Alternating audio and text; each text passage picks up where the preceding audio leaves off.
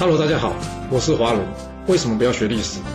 因为学历史会让你了解到顶层阶级的思考方式，成为他们的竞争者，所以他不希望你去学。还有学历史会让你看到许多前人成功及失败的案例，你的竞争对手想要好好的睡个觉，所以他也不希望你去学。最重要的是，学历史会让你了解人性，你的老板以及同事都希望你保持天真的心，所以他们更不希望你去学。就是因为这些原因，接下来我要跟你说的是故事，而不是历史。今天要说的主题是，信用其实是一种交易成本。我们今天还是要从春秋时期晋文公的故事说起啊。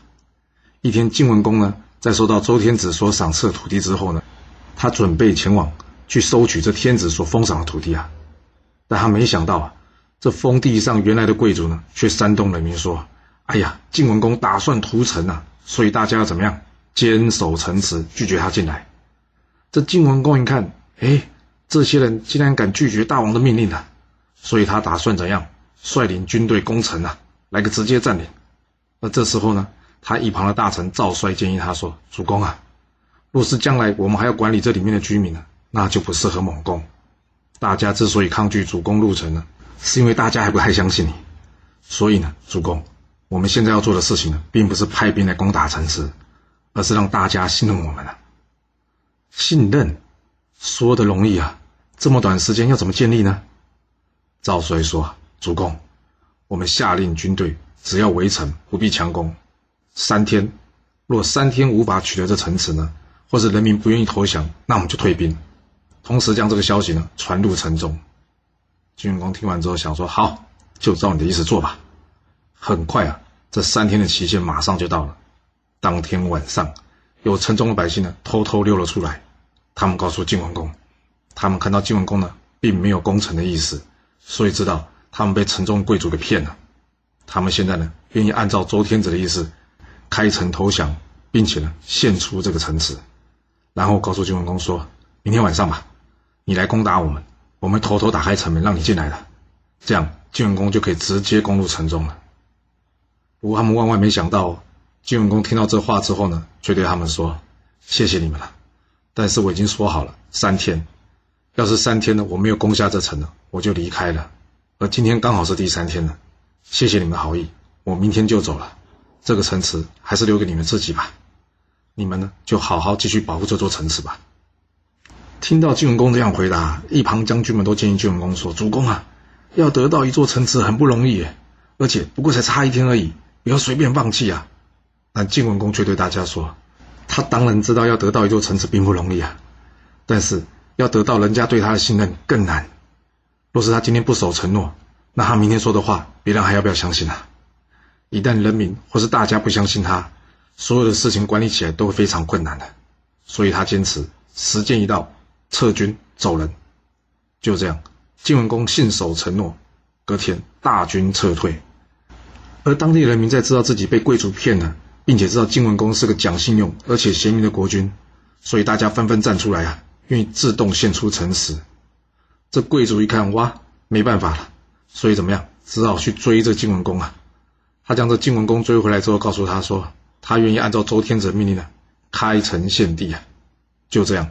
晋文公兵不血刃啊，完成了这次任务。要是你有看过很多成功商业人士的传记啊，你会发现，里面除了强调努力、感激、创意等等之外啊，我想大家最常看到就是他们会强调做人要有信用。哎，不过大家都说奸商奸商，那这些人真的会像他们口中说的，或是书中说的一样讲信用吗？若是不会，那他们为什么觉得这个信用很重要呢？其实将心比心啊，你只要想一想，要是有人答应了你做了什么事情，结果后来反悔了，下次你再听到他答应你说什么事情他可以帮你做的时候，你会不会担心他做不到呢？既然担心他做不到，那你是不是有一定的备案呢？若是每件事情都要准备备用方案，那是多大的成本啊！所以做人或是做生意，的确是需要讲信用的。不过呢，这里可能有一个小小的误区。怎么说呢？因为这些成功的商业人士啊，只有强调要讲求信用，可没有强调要老实哦。我们常常把诚信这两个字连在一起使用，久而久之呢，就会觉得讲信用的人呢就要诚恳，而诚恳的人呢就是老实，所以不老实的人呢，我们倒过来讲讲，他呢就是不讲信用，这可能是有点混淆了。信用与老实不一定是等号哎。就拿我的经验来说吧，我之前呢交手的这个经销商啊，其中有一位业务啊表现得非常杰出，而我刚到公司的时候呢。很多同业都批评他说：“这个人不老实，很奸诈。”后来我在多次与他交手的过程中呢，我发现啊，这个人脑袋真的很活，总是能从规定中呢找出漏洞。当然了，很多人会觉得他还在玩文字游戏嘛，所以说怎么样，他就是不老实，不讲信用。但是呢，当我把这些文字或是语义上不明的地方呢逐步厘清之后呢，你觉得他会守规矩？他有没有不守信用呢？没有。一次都没有，只要是白纸黑字，或是他说出来的话，他都有遵守。那你觉得这样的人算不算有信用呢？我再举一个生活的经验吧。相信很多人呢都有到日本旅游的经验。一开始呢，我对他们不二价的文化呢感到很好奇啊。不过仔细想一想啊，你看一件东西啊，你到哪里问都是一个价，那你还需要花很多时间货比三家吗？这样是不是大幅减少了交易的时间？另外，当价格不再成为竞争的关键时候，那竞争的关键有没有可能就变成什么？是服务了呢？再仔细想一想，有时候呢，我们去到一些观光的地方，想要买东西，一个东西啊，老板给你开价一万，结果你跟他还价，说我只要一千，他竟然还成交了，那你真的会觉得你赚到了吗？还是你会变成之后呢，要去当地旅游之前，会先对货物的真假以及还价的技巧要预先做一番功课？那这样要不花很多时间啊，因为要是你没做好这些功课，到了当地就很有可能被人家骗钱啊。所以，要是你没做功课，你还敢在当地消费，或是会选择在当地购物吗？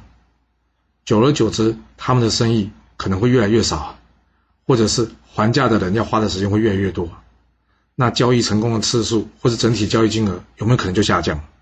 而这种结果呢，有没有可能造成当地观光或是生意进入一个恶性循环呢？这种无形的成本，恐怕是他们一开始也没办法计算进去的吧？你说是吧？若是你还有其他想法，也欢迎留言给我哦。好了，我们今天先说到这。如果你就是不听我的劝，想知道完整版的故事内容，你可以从说明栏找到我爱故事频道的连结。不过记住哦，你是来听故事的，而不是来学历史的。要是您喜欢这个频道，麻烦您动动您的手指。追踪留言，或是给我五星评价的支持以及分享，谢谢您来收听，我们下次再见。